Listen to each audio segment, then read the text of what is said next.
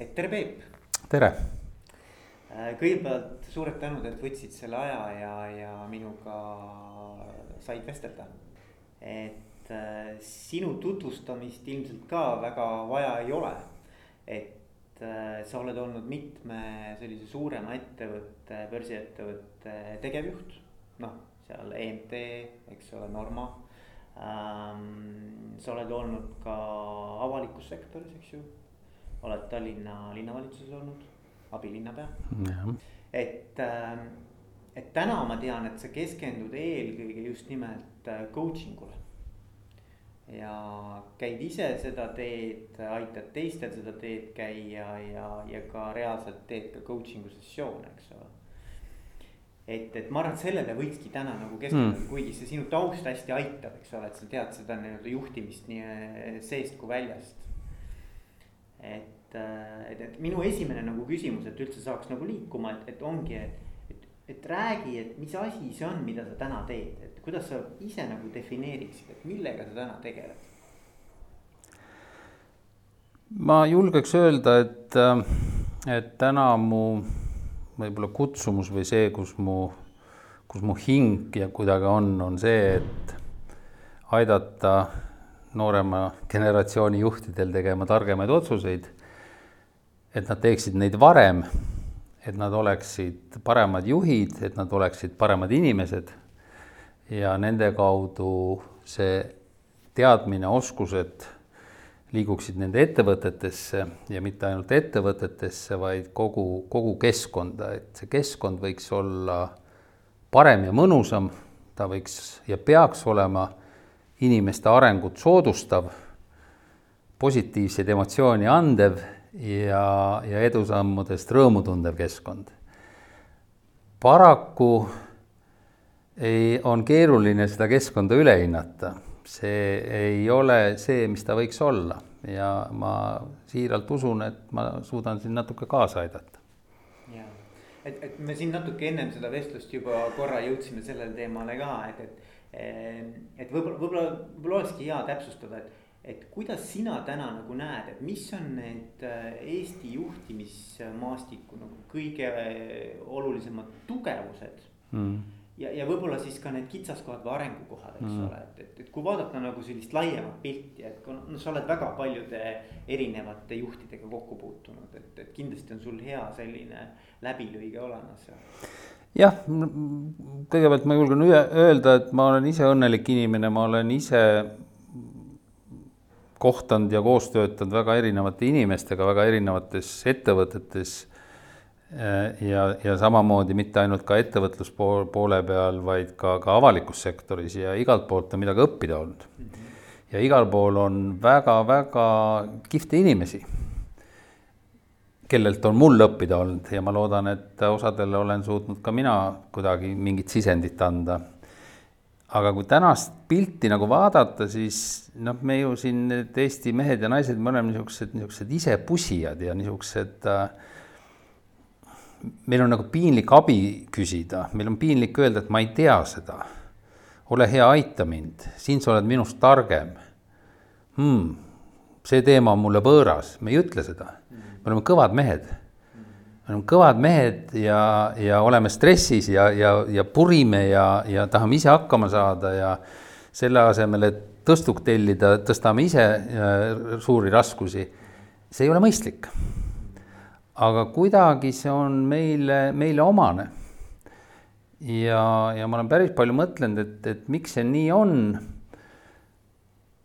aga ilmselt vähemalt ütleme, see põlvkond, kust mina tulen, et noh, me pidime nagu hakkama saama, ega meil kellelegi nagu kaevata ei olnud, me kirusime Vene valitsust ja kommuniste, purisime edasi ja, ja ajasime oma vagu, panime kartuleid maha ja, ja, ja parandasime sandtehnikat, eks, et me, igaüks peab ise hakkama saama. maailm ei toimu enam niimoodi. ja, ja juhtimiskvaliteedi muutus saab saab sündida ainult siis, kui juhid tunnistavad iseendale, et nendel on palju õppida. Nad tegelikult, me teame vähe ja maailmas on teadmist palju. kui me tahame siin Viru ja Võru vahel asju ajada, siis võib-olla saame hakkama. aga majandus ei ole ainult Viru ja Võru vahel. maailm on lahti ja me oleme suure maailmas, peame hakkama saama ja ainult Eesti, Eesti lähenemisega nagu hakkama ei saa. kui sa oled rahul sellega, okei okay. Ma ei soovita küll väga väikest ambitsiooni endale sättida, et võiks ikkagi olla soovid suured.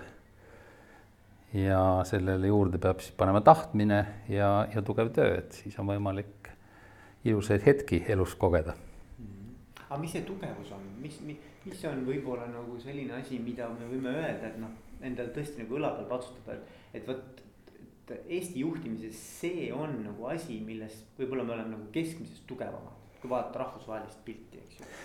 ma julgen selle taandada mitte ainult ka nagu äri poole peale, vaid kogu, kogu juhtimise, ka poliitilise kultuuri ja, ja me teeme, mis me lubame.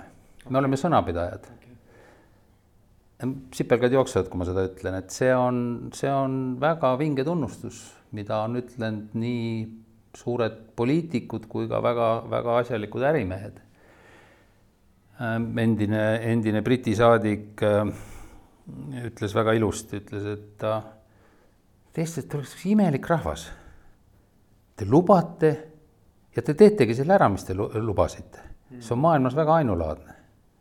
kõlab hästi ja seesama mees ütles, et, et kui võeti Afganistanist tulevaid vägesid vastu ja siis britid ütlesid, et eestlastega me läheme alati luurele. see on midagi, mis, mis on väga-väga vinge ja selle peale annab ehitada.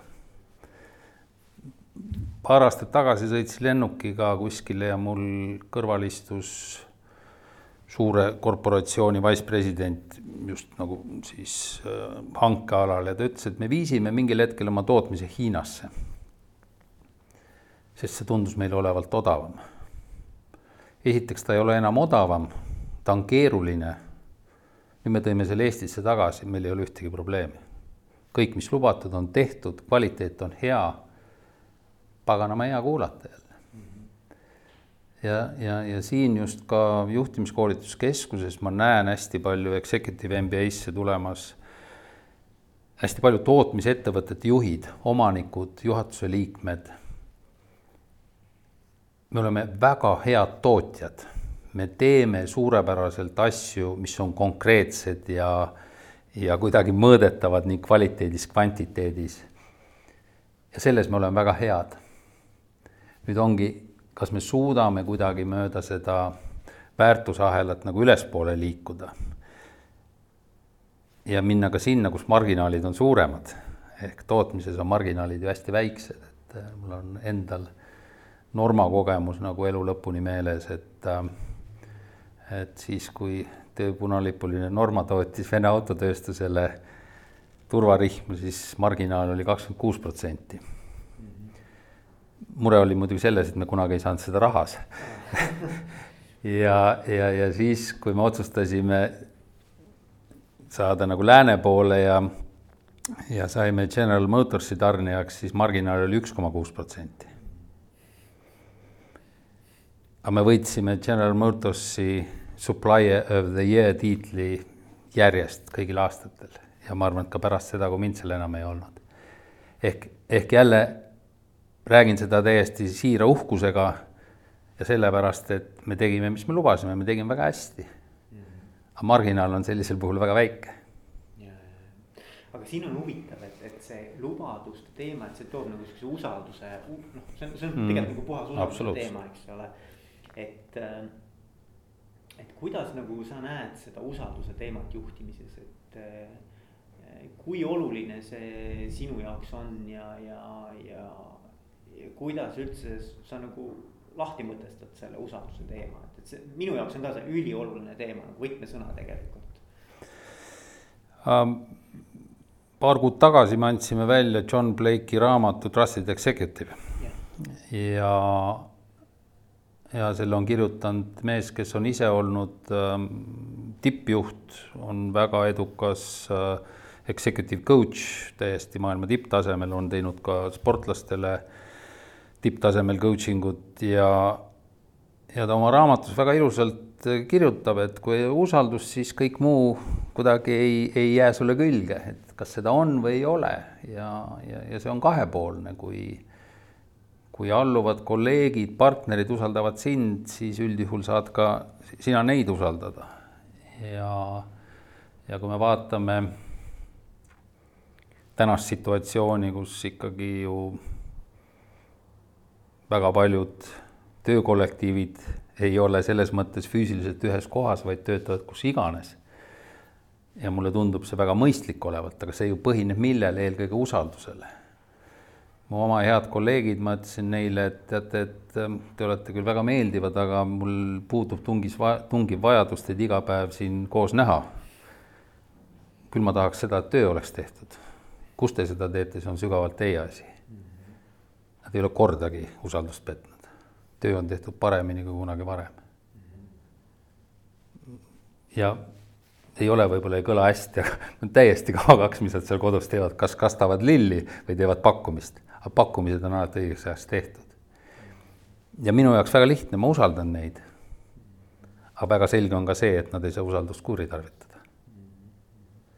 ehk, ehk siit hakkab see kõik pihta ja, ja, ja esimene asi, mida juht usalduse võitmiseks saab teha, et äh, me ju juhtidena arvame, et ainult siis me oleme juhid, kui me teame kõiki vastuseid, me teame, mis on õige, mis on vale, anname korraldusi, kontrollime ja nii edasi, nii edasi. no kahekümne esimesel sajandil niisugust juhti ei ole mitte kellelegi vaja. niisugust juhti ei taheta. ehk et esimene asi on see, et äh, juhi esimene ülesanne on ümbritseda ennast, ennast targemate inimestega omas valdkonnas ja luua neile tingimused, et nad saaksid oma oskusi, annet ja soove realiseerida. kui sa sellega hakkama saad, siis on enamus raskest juhtimise tööst tehtud. ja see on ka kõige keerulisem muidugi. ja, ja, ja rääkida on lihtne.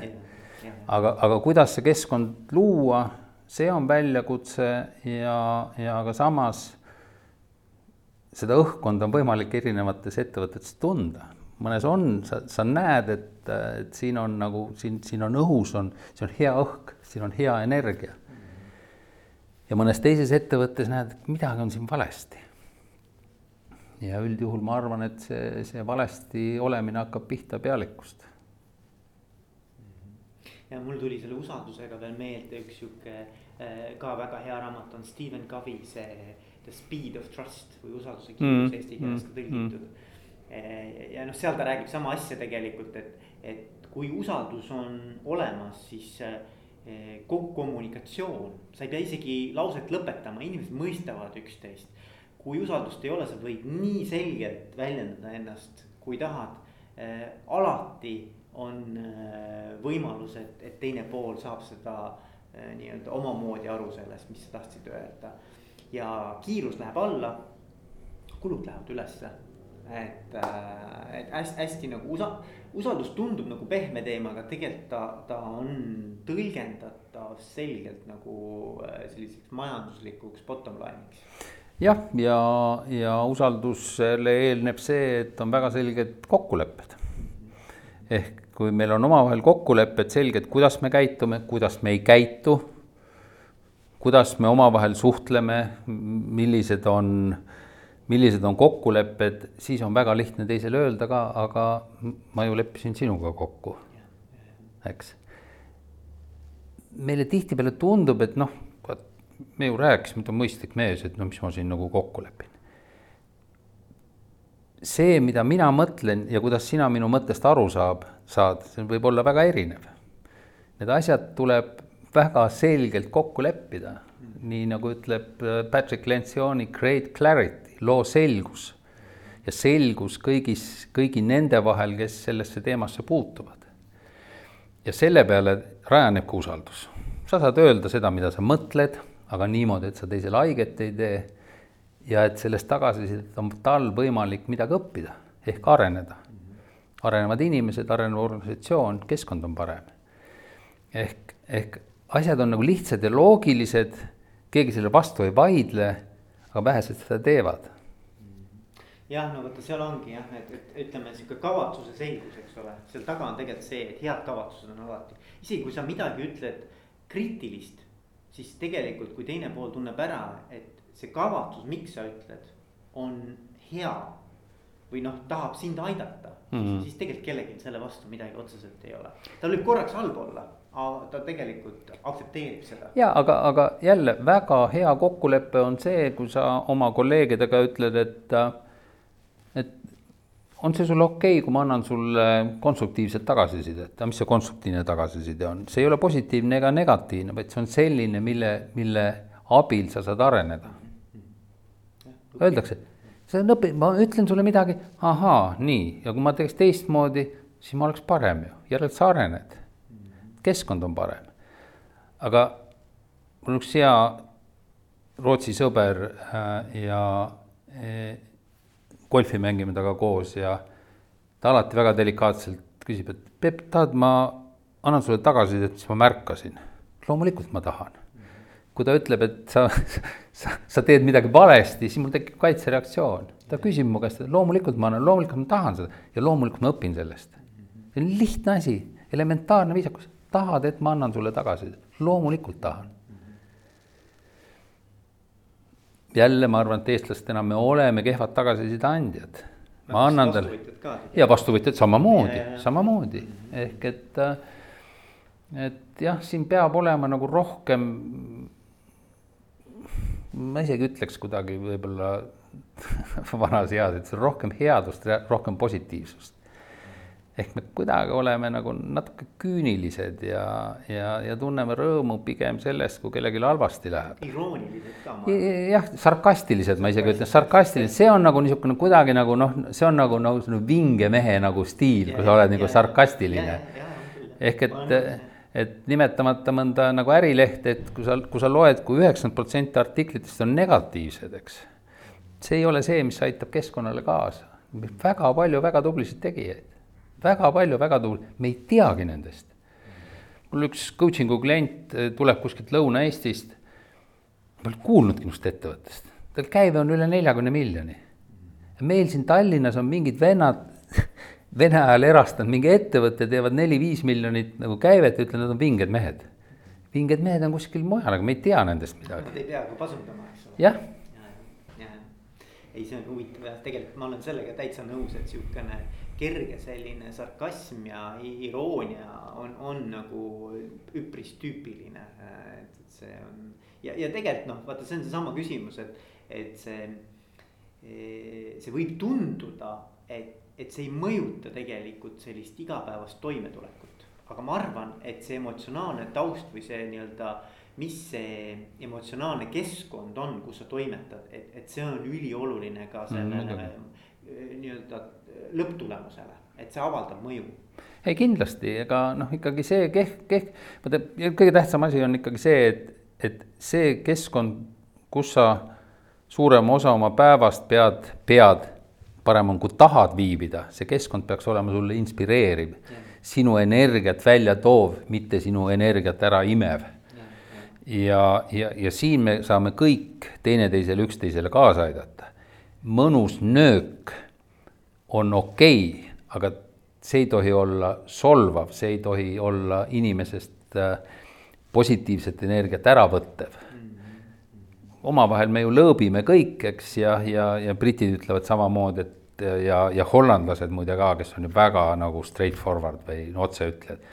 Teiega on lihtne, te räägite asjadest nii, nagu on. aga, aga, aga see sõnum, kuidas sa seda räägid, nii nagu on, võib avaldada väga erinevat mõju. ta võib kas panna sind tegutsema või sind panema kaitseasendisse. ja tihtipeale, kui võetakse kaitseasend sisse, siis see ei ole, see ei ole hea. jah aga ma hüppan korra tagasi selle esimese küsimuse juurde. sina kui coach, executive coach, räägi natukene oma lähenemisest, et, et kui, kui mõni äh, juht kuulab seda ja, ja tal näiteks tekib praegu huvi, et, et, mind huvitaks äh, coaching'u sessioonil osaleda. et missugune see tema kogemus võiks välja näha mm., mida sa teed, nagu natukene sihukest praktilises terminoloogias räägites, rääkides.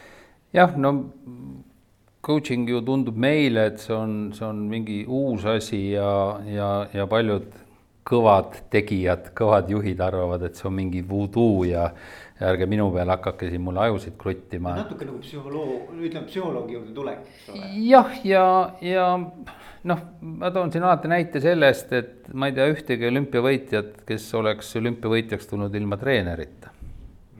ehk treenitakse, treenitakse keha ja sealhulgas ka vaimu aga, aga, aga see, millega tegeleb äh, executive coach või juhtimiscoach või coach, siis on väga selgelt äh, äh, mina aitan tal selgust saada tema asjades, aga teeb ikka tema. ehk, ehk see, mida mina valdan ja mida mina talle pakun, ma pakun talle äh, erapooletut ja, ja turvalist keskkonda, kus ta saab valjult mõelda oma mõtteid mina ei pea teadma keemiast, IT-st ja, ja ma toitlustusest. ma pean, ma aitan tal selgust jõuda tema keskkonnas, kuidas ta oma asju saaks teha paremini. ja, ja, ja tihtipeale mehed ajavad hommikul habet ja mõtlevad mõtteid ja jõuavad oma mõttena, mõttega kuskile, kus hakkab, hakkab valus või sa ei taha enam mõelda, sest on ebameeldiv või raske ja sinna ta jääbki kui sa tuled, kui sa tuled äh, executive coach'i juurde, siis, siis sealt minnaksegi edasi. Need mõtted pannakse lauda, nendele otsitakse lahendusi ja tihtipeale ka leitakse lahendusi. minu juurde tihtipeale tulevad äh, nooremad juhid eelkõige sellepärast, et nad eeldavad, et mul on endal juhtimiskogemus ja lisaks, lisaks siis coaching'u kogemus ja loodavad, et nad saavad minu käest hea nõu. Nad saavad mu käest häid küsimusi aga nõu annavad nad endale ise. ehk nemad teavad omast valdkonnast, mina aitan natukene seda valgusvihku teiselt poolt sellele asjale peale paista. ja selle kaudu seda teha, et, et väga tihti on see, keegi läheb ära ja ütleb, et Peep, ma tegingi nii, nagu sa ütlesid. ma ütlesin, et mina ei ütlenud seda, sina ütlesid seda. aa, õige, õige, jah, ei, ma ikka ise ütlesin, jah. aga see on tema mõte see on omandi küsimus, see on ownership. kui ma ütlen sulle, et tee midagi, siis sa lähed ja teed sellepärast, et Peep käskis. see ei ole sinu vastutus. ma arvan, et kuskil palju aastaid tagasi õppisin pojaga inglise keelt ja ja juba hakkasid Aktuaalse Kaamera spordiuudised ja, ja siis ma ütlesin, et ah, aitab küll, nüüd oskad küll. poeg ütles mulle, ise tead, kui ma homme kahe saan mina otsustasin, mida tema teab. kus ma võtsin selle? ma oleks pidanud küsima, kuidas sa tunned, saad sa homme hakkama? ei, kuule, vaatame korra veel läbi. tulemus täiesti teine. mul on see tema pilk ja see ütlus elu lõpuni meeles. aga sellest ma aru sain alles viis aastat tagasi. ja see on sihuke vastutuse teema, eks ole. absoluutselt ja, ja, ja see on see, et, et ja ma toon teise näite, et, et ma ei tea, jõusaalis käid ja sa teed ju neid harjutusi, mis on sul lihtne teha, et kui jalad on tugevad, teed kükke ja käed on nõrgad, siis hiilid nendest kõrvale.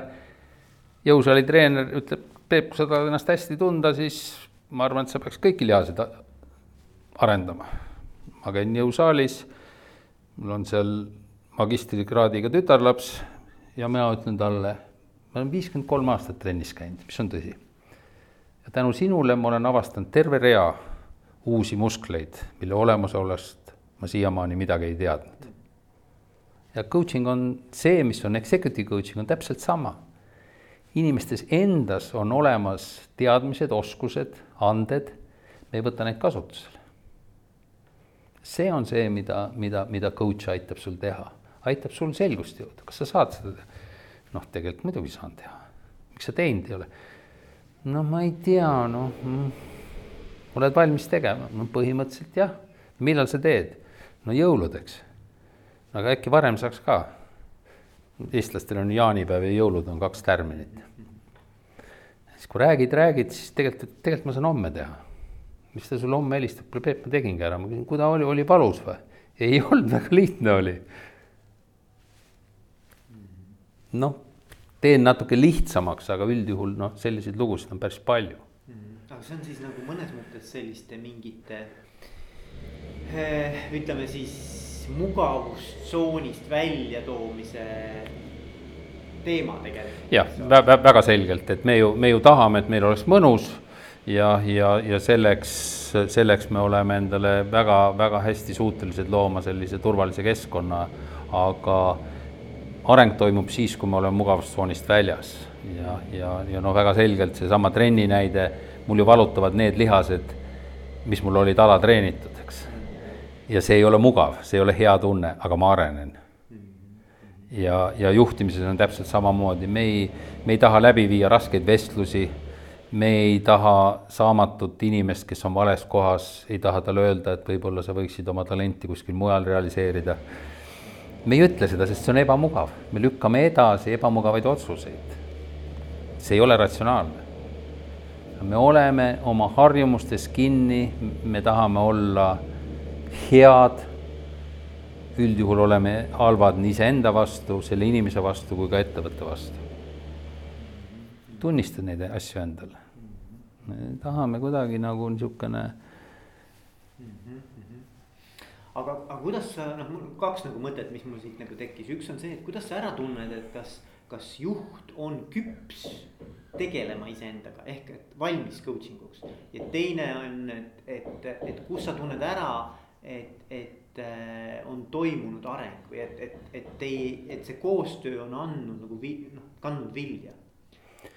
selles suhtes hea küsimus, et, äh, et see, kes tuleb executive coach'i juurde, peab olema juba jõudnud kuskile juhtimistasandile, ta peab elementaarsema, ta, ta peab valdama elementaarseid juhtimisoskusi. ehk need, kes alles algavad, nendel on mentor väga hea, kes ütleb, mida teha, kuida teha ja nii edasi, nii edasi.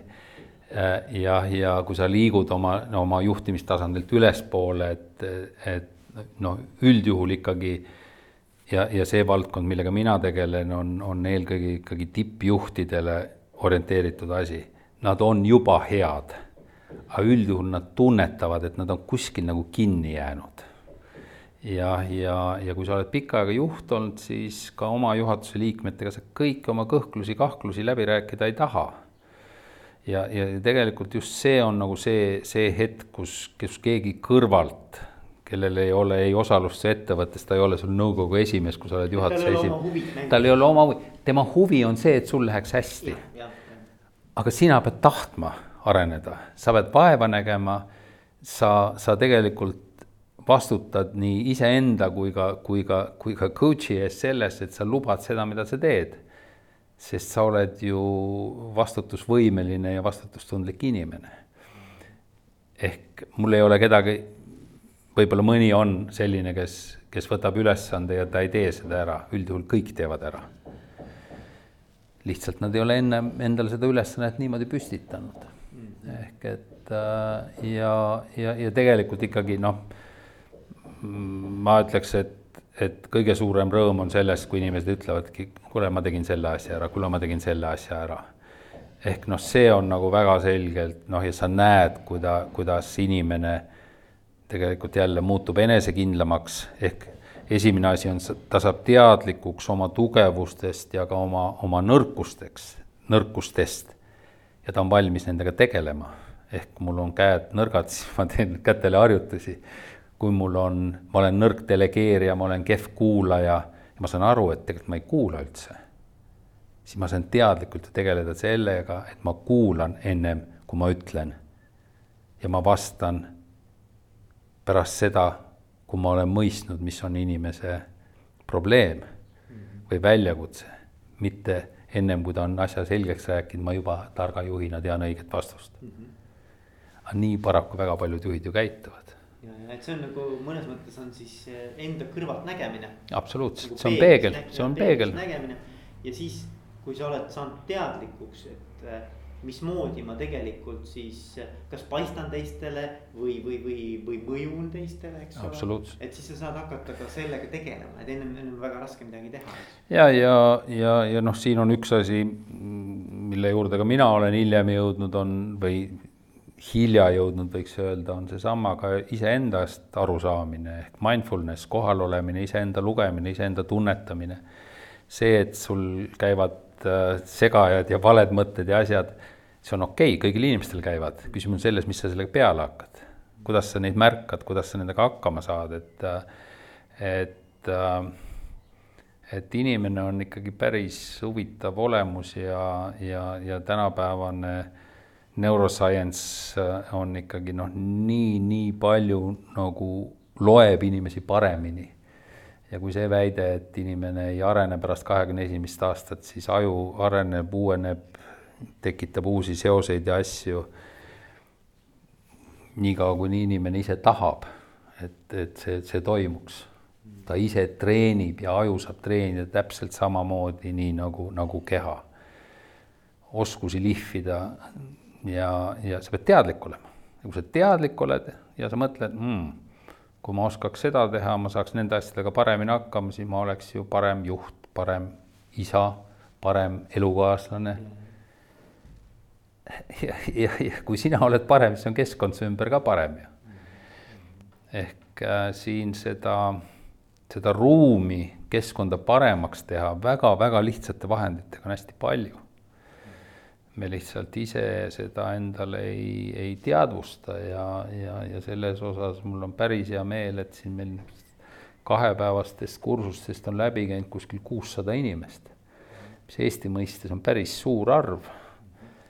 ja kui nad, kui nad sellest kahepäevasest õpetusest ka, ka midagi kaasa saavad, siis on, siis on juba teatud edusamm toimunud, jah jah, ja, ja, ja kui see teadmine, teadmine edasi läheb, siis on, siis on, ma arvan, et asjad, asjad liiguvad positiivses suunas, et äh, muu maailm sellest saab väga hästi aru, et et täna enam Maslowi püramiidi alumised astmed väga ei motiveeri kedagi, et äh, et mida noorem seltskond, seda rohkem hindab seda, kas, kas see koht, kus ma on, kas ma tahan olla või ma pean olema ja kui, kui ei pea, siis, siis minnakse sinna, kus on, kus on, kus tahetakse, kus on põnev. ja tegelikult põnevas kohas sa arened ja mis võikski olla ju, ju iga inimese niisugune piisavalt, piisavalt motiveeriv väljakutse areneda, saada paremaks üks huvitav nagu metafoor, et, et kui me mõtleme, juht kui coach, mis sa sellest arvad? Siin tuleb saada aru sellest, et on kaks asja, on coach iv juhtimisstiil ehk ma kasutan oma juhtimises coach ivat stiili. ehk ma ei ütle sulle, mida teha, vaid ma küsin sinu käest, mida sa võiksid teha ja loon selle keskkonna. Äh, oma alluvaid ja kolleege coach ida juhina üldjuhul ei saa, siis lähevad kaks asja nagu segamini. ja, ja siin on ka suurtes organisatsioonides kasutatakse ka päris palju internal coach'e ehk sisemisi coach'e, kes siis on ettevõtte sees. Coaching'u teenus on, kuna ta on enam-vähem, ta on üks-ühele, siis ta on kallis teenus, lihtsalt aeg on selline, mis, millel on väärtus. ja siis tihtipeale luuakse ettevõtte sees oma coaching'u üksus. ja, ja, ja seal saadakse küll, ütleme, kulutatakse vähem raha, aga tulemuslikkus on väiksem, sest tihtipeale selles keskkonnas ei räägita kõike nii, nagu on, vaid mõeldakse, pannakse filtrid vahele ja räägitakse seda, mis tundub sulle kasulik rääkida. seal on, eks ole, jällegi see, see nii-öelda huvide. just, just ja, ja, ja, ja sellepärast on, on tulla võõra inimese juurde, kellel sul puuduvad sidemed äh,, on oluliselt parem ja mul on oma kogemus, mul oli ühe ettevõtte juhatuse esimees siin, kelle nõukogu liikmeid ma kõiki teadsin. aga kuna ma töötasin tema heaks, siis ma ütlesin, et kuule, sorry, ma ei saa, ma ei saa, mul on raske sinuga teha, et mind häirivad nii need seosed, need inimesed. sa ütled midagi, ma, ma mõtlen, kuidas mõtleb su nõukogu liige nende asjade peale, see segab mind, ma ei saa seda teha, eks. või mul on keeruline teha ja, ja tegelikult ma soovitasin kolleegile teda, et, et nii on, et ja, ja mul ei olnud mingit muud puutust, noh nagu puutumust. Ehk et et, et see on jah, selline taustsüsteem on hästi oluline. Mm.. aga see coach iv juhtimisstiil, et, et kui paar sõna sellest rääkida, sa ilmselt alguses kohe mõtlesidki sedasama, kui sa rääkisid sellest, et, et luua selline areng, arengukeskkond. ja, ja, ja, ja, ja no ma toon lihtsalt ühe näite, et, et meil siin käisid avaliku sektori tippjuhid kantslerid, asekantslerid ja, ja kahepäevane koolitus ja teise päeva hommikul me küsime, et, et on teil ka mingeid kogemusi, jaa, mul on kogemus, ma tahan rääkida, et esimene päev ta jäi hiljaks, teine päev ta tuli õigeks ajaks, ma küsin, no millest sa tahad rääkida. panid tähele, ma tulin õigel ajal täna, et mul oli kolm kolleegi olid paberitega ukse taga, küsisid, mis ma tegema pean. ma ütlesin, et aga mis sa oled ise mõtlenud, mida sa võiksid teha. ja ongi coach iv juhtimisstiil. Eelmine päev ta igalühel ütles, mida teha alluv tuli oma mõttega ülemuse juurde ja läks ülemuse mõttega osakonda tagasi, ütles, et no kurat, see ohmu ei saa ikka midagi aru, no teeme siis nii, nagu ta tahab. tuleb tuttav situatsioon silme ette. järgmine päev ta ütles, et aga mis sa ise oled mõtlenud teha, no mul on siin kolm mõtet, millise sa valid? noh, siin teise ja kolma vahel, mis on plussid, mis on miinused? ja, ja teine näide on sellest, et, et ilmselt meil on kõigil juhtunud, et sulle tuleb mingi meil ja ütleb, mul on siin mingi probleem, et, et mis sa arvad, mis ma teen. ja järgmine päev ütles, et kuule, anna andeks, mul on teile aega vastata, ei ole probleemi, ma juba lahendasin ise ära. niikaua, kuni sa juhina oled valmis võtma, tegema oma alluva tööd, siis sa ei ole juht. ja, ja see on esimene samm sellest taanduda. Las need inimesed, kes on selles valdkonnas targemad, pädevamad delegeeri neile vastutus, anna neile õigus teha otsuseid, nad teevad seda ja sina vabastad endale aega strateegiliste mõtete mõtlemiseks ja tegelikult pikaajaliste plaanide tegemiseks. ma arvan, et meie, meie enamus juhte, kaheksakümmend protsenti kustutavad tulekahjusid ja teevad oma alluvate tööd, ehk nad ei saa oma tööga hakkama, juhi tööga ei saa hakkama. Tihtipeale juhiks on delegeeritud parim spetsialist ja spetsialisti töö tuli tal ju hästi välja, sellepärast ta pandi juhiks, ta oli parim spetsialist. saame kehva juhi ja kaotasime hea spetsialisti. tihti, tihtipeale juhtub seda asja ja siis lase lahti nendest oskustest. ja, ja anna autoriteet nendele inimestele, kes on pädevad seda tegema. aga aitäh sulle, Peep et, et ma lõpu viimase küsimusena küsiks, et, et kas on midagi, mida ma ei ole puudutanud või küsinud, aga sa tahaksid ise rõhutada eh, juhtimisvaldkonnas?